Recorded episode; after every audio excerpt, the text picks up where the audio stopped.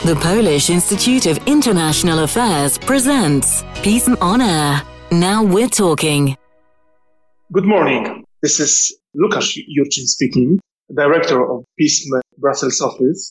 We continue our discussions on the key European affairs in frame of our Brussels podcast. And moreover, we continue even the area of our interest, the EU foreign policy and the European External Action Service Last time, Lukasz Jasina discussed our fresh report on trends in senior staff appointment policy with its authors. And today, uncommonly, I will lead the interview because we have a special guest, Monsieur Hervé Delphin, who is the head of strategic policy planning at the European External Action Service. And he previously worked at the European Commission as a head of unit in charge of the EU humanitarian and crisis response in the European neighborhood. Monsieur Delphin, bonjour. Bonjour.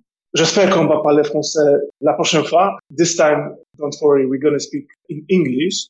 And uh, Monsieur Delphin is also general specialized EU foreign and security policy in global affairs, and we will need it. Thank you so much that you accepted our invitation. This is really a great honor for us to have you here and to hear your analysis, your assessment of the EU external and global policy in the face of so dynamically changing geopolitical landscape. So we are at 10th anniversary of the service and we can acknowledge that the European Union has been recently confronted by so rapid geopolitical contestation and great power rivalry. So I would add that demands internally and externally have grown for a stronger and more active European global role. And therefore, the European Commission itself has also defined its geopolitical aspiration. So this context involves growing power asymmetries and actions, influences. We can say more and more often hybrid type that they have been testing the union's, namely foreign policy. And I'm thinking here about military conflicts in the southern and eastern neighborhood, Syria, Ukraine, disinformation and cyber threats, terrorism, growing intelligence activity, and even chemical attacks on the European soil. So I would like to ask you my first question. More precisely, from your perspective, what are the main current geopolitical challenges that EU foreign policy is facing and what we should do in our European strategy to deal with them. Dziękuję Lukasz. Thank you. I'm not as good in Polish as you are in French, and the regret is mine, but the pleasure is mine to be uh, joining this podcast today with you. And uh, my appreciation of PISM as a, one of the most prestigious think tanks in Europe. And we've been very much following your analysis and studies and publications. So um, just a word of appreciation first on, on your work.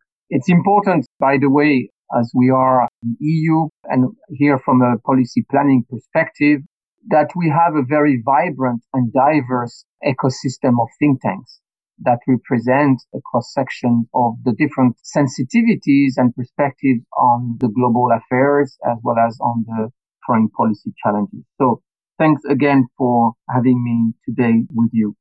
To answer your questions on the main geopolitical challenges, of course, I mean, now been a bit of a commonplace to say that the COVID has been the great accelerator of geopolitical dynamics and trends, which were already underway. And actually, uh, over a year ago, in the very first weeks and month of COVID, in our service, we, that was precisely the diagnosis that we put on this crisis, that it was a, an accelerator. So when looking at the geopolitical challenges we face, we still have COVID.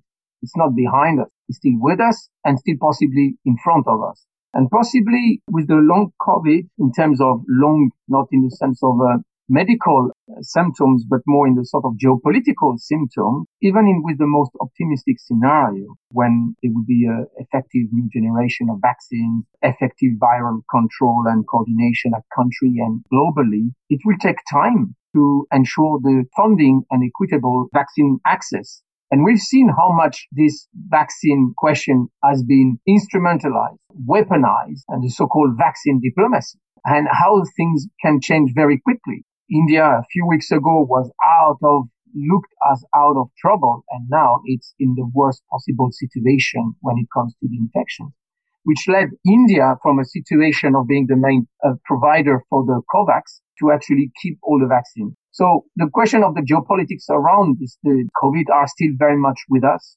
Even in the pessimistic scenario of the continuous emergence of more variants, combined with uncoordinated measures at global level, would mean that even if the high income countries in Europe, we manage to have community, we will still be at the mercy of poor responses elsewhere for various reasons. So this COVID is a mirror of the, the geopolitical dynamics and trends that we are witnessing and also the, the fortunes of this virus that puts everyone into a tight spot.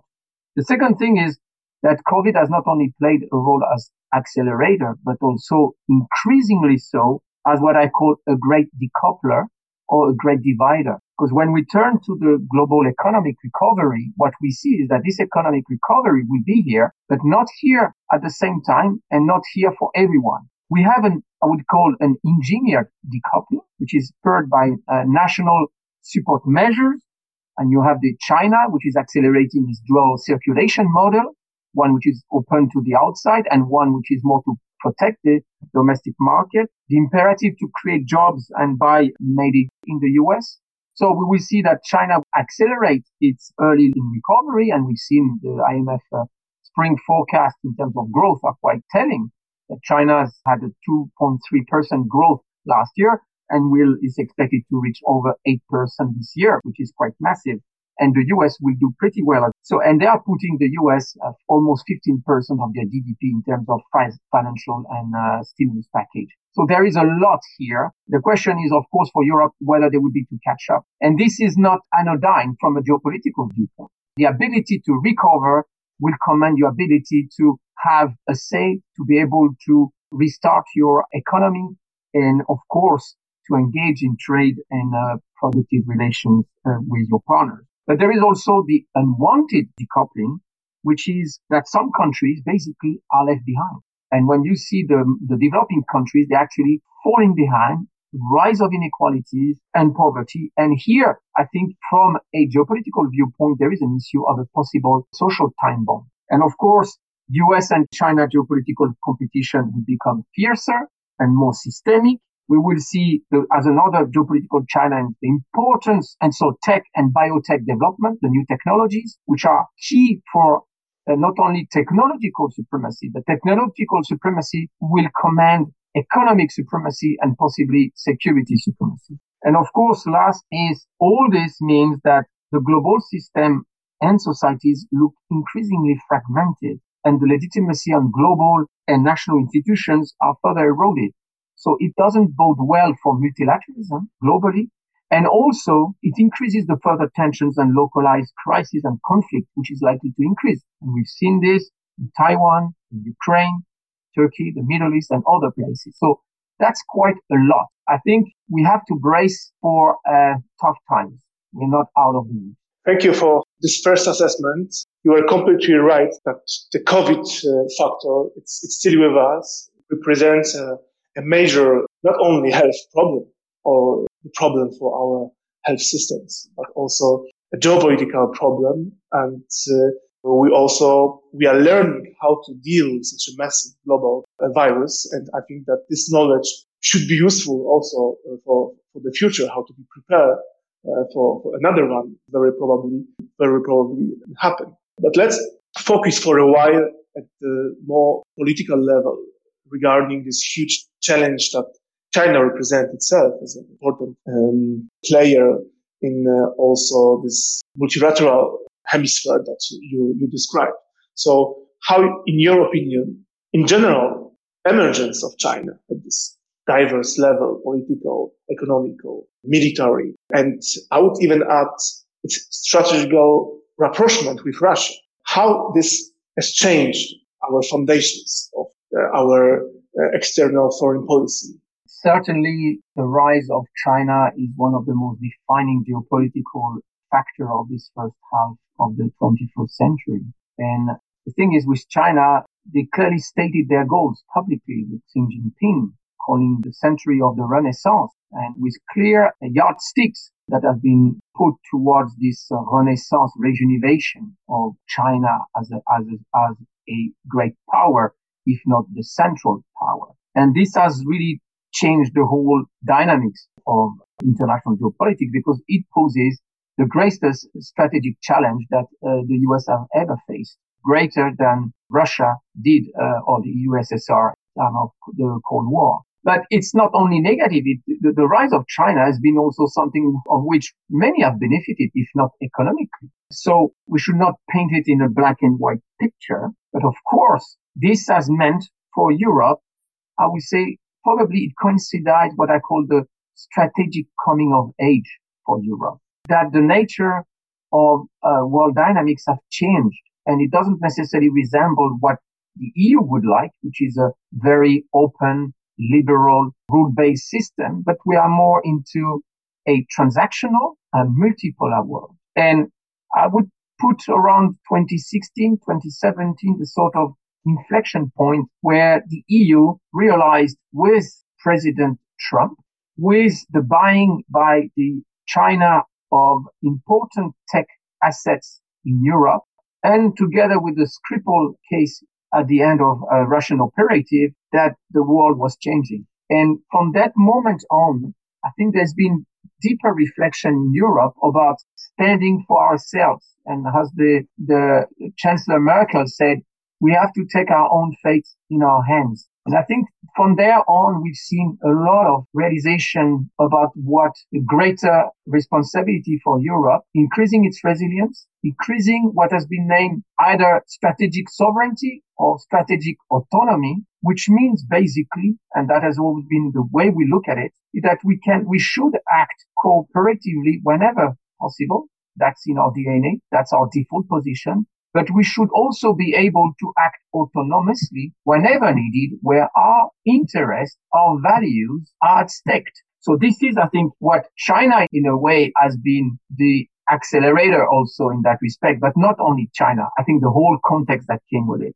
The fact that the EU adopted in 2019 its China strategic outlook, which was hailed as the maybe the first truly geopolitical or strategic approach the EU would have toward a, a, a, great power, I think is a sign in itself that it was not necessarily only China specific, but certainly China driven. When it comes to the second part of your question, the strategical rapprochement between China and Russia, I would qualify it a bit. It's true that there have been decisions taken between the leadership of China and Russia to work more closely together. But we also have to question and challenge his view that they are in a strategic alliance. I think it is, there are imbalances and asymmetries in this relationship. And I think neither China nor Russia wants to be fully and truly dependent on the other. And when you look at energy, which is one of the main commodity that uh, Russia will export, it's true that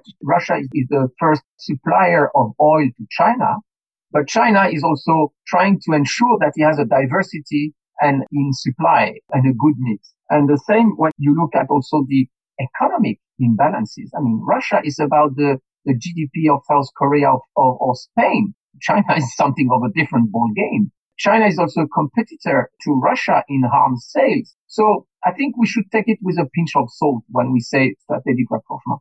What is sure though, if what unites China and Russia is the challenging of Western democracy because democracy is seen by these two as threats. The nature of their own regimes and they think that their regimes, which are autocratic, are better or at least serve better their purpose. But democracy in itself is a threat. So that is where you would see a strong alignment, strategic alignment, I would say, between uh, China and Russia on these specific elements and also undermining what has been coined as the liberal or Western global order. So that's the reason why we've seen multilateralism battered, uh, dented, uh, undermined, hollowed out from inside, and where we've been seeing so much difficulties. So, of course, I think for EU, what it means is, of course, we should not put this mindset that there is an alliance and develop what we will call a self-fulfilling prophecy. We should rather look, you know, very precisely into what bring them together and try to counter that. And at the same time, continue to engage where we can and con- continue to push back when we have. So that I think is really the frame with which the EU should approach that dynamic between China and Russia. But it's true that we have to expand approach because there may be or sometimes simply coincidental or maybe tactical coordination. And sometimes uh, some people are speculating is what Russia is doing on Ukraine could be coordinated one way or the other with what China would like to do in South China Sea or towards Taiwan. We don't know. We may speculate, but that's, I would say, the work of planners and to sort of war game that to so anticipate what could be the possible scenarios. But we should not take anything for granted. I think this is the name of the game of this transactional world in which we are and very fluid is that we should not take anything for granted. Thank you so much that you were keeping these two important global actors together. You know, so far analyzed Russia and, and China. But let's decouple for, for a while uh, this couple and uh, let's focus on Russia this time. Uh, because yeah, you, of course, you're right that uh, there's this huge disproportion between Russia's economic or I would even add social potential and its military potential and capacities and how this country could represent a challenge for namely its neighborhood. So I would like to ask a little bit more about your opinion, the possibility for, for a common European approach towards this important country, towards Russia, because what we can see without any doubt that this relation has been uh, deteriorating further and further. And uh, the slap on the wrist High Representative Joseph Borrell got last time in Moscow was, was I would say, even uh, could be uh, defined as directed at the whole European Union. So this visit may have clarified state of, of uh, the EU-Russia relations, but didn't really improve the level of uh, bilateral dialogue. Its goal so, but let's go beyond Borrell's visit. What do you think? What should be a common EU policy towards Russia today? Well, I think in geopolitics, there is geo and geography, as Montesquieu put it, commands reality. It is a fact that our neighbor, uh, we have a, a big and important neighbor called Russia, and that the, the relations uh, turned sour and stormy in the past years and have only uh, deteriorated since. I think the, the element here is that first, there is a position of uh, European position on Russia, which is uh, encapsulated in the so-called uh, five principles. So when I hear that, you know, Europe is not united on Russia, of course, member states have different sensitivities, but I think there is a common matrix of how we need to engage with Russia. And I think we should even give a service to Mr. Lavrov for the slap on the wrist, because if anything he has done is helping to be Europe even to be more united together and in clearly standing behind and united in addressing Russia challenges, which are many. So Europe does not necessarily want to antagonize Russia. This is Russia which is seeking to antagonize uh, Europe. And I think we should not reverse this.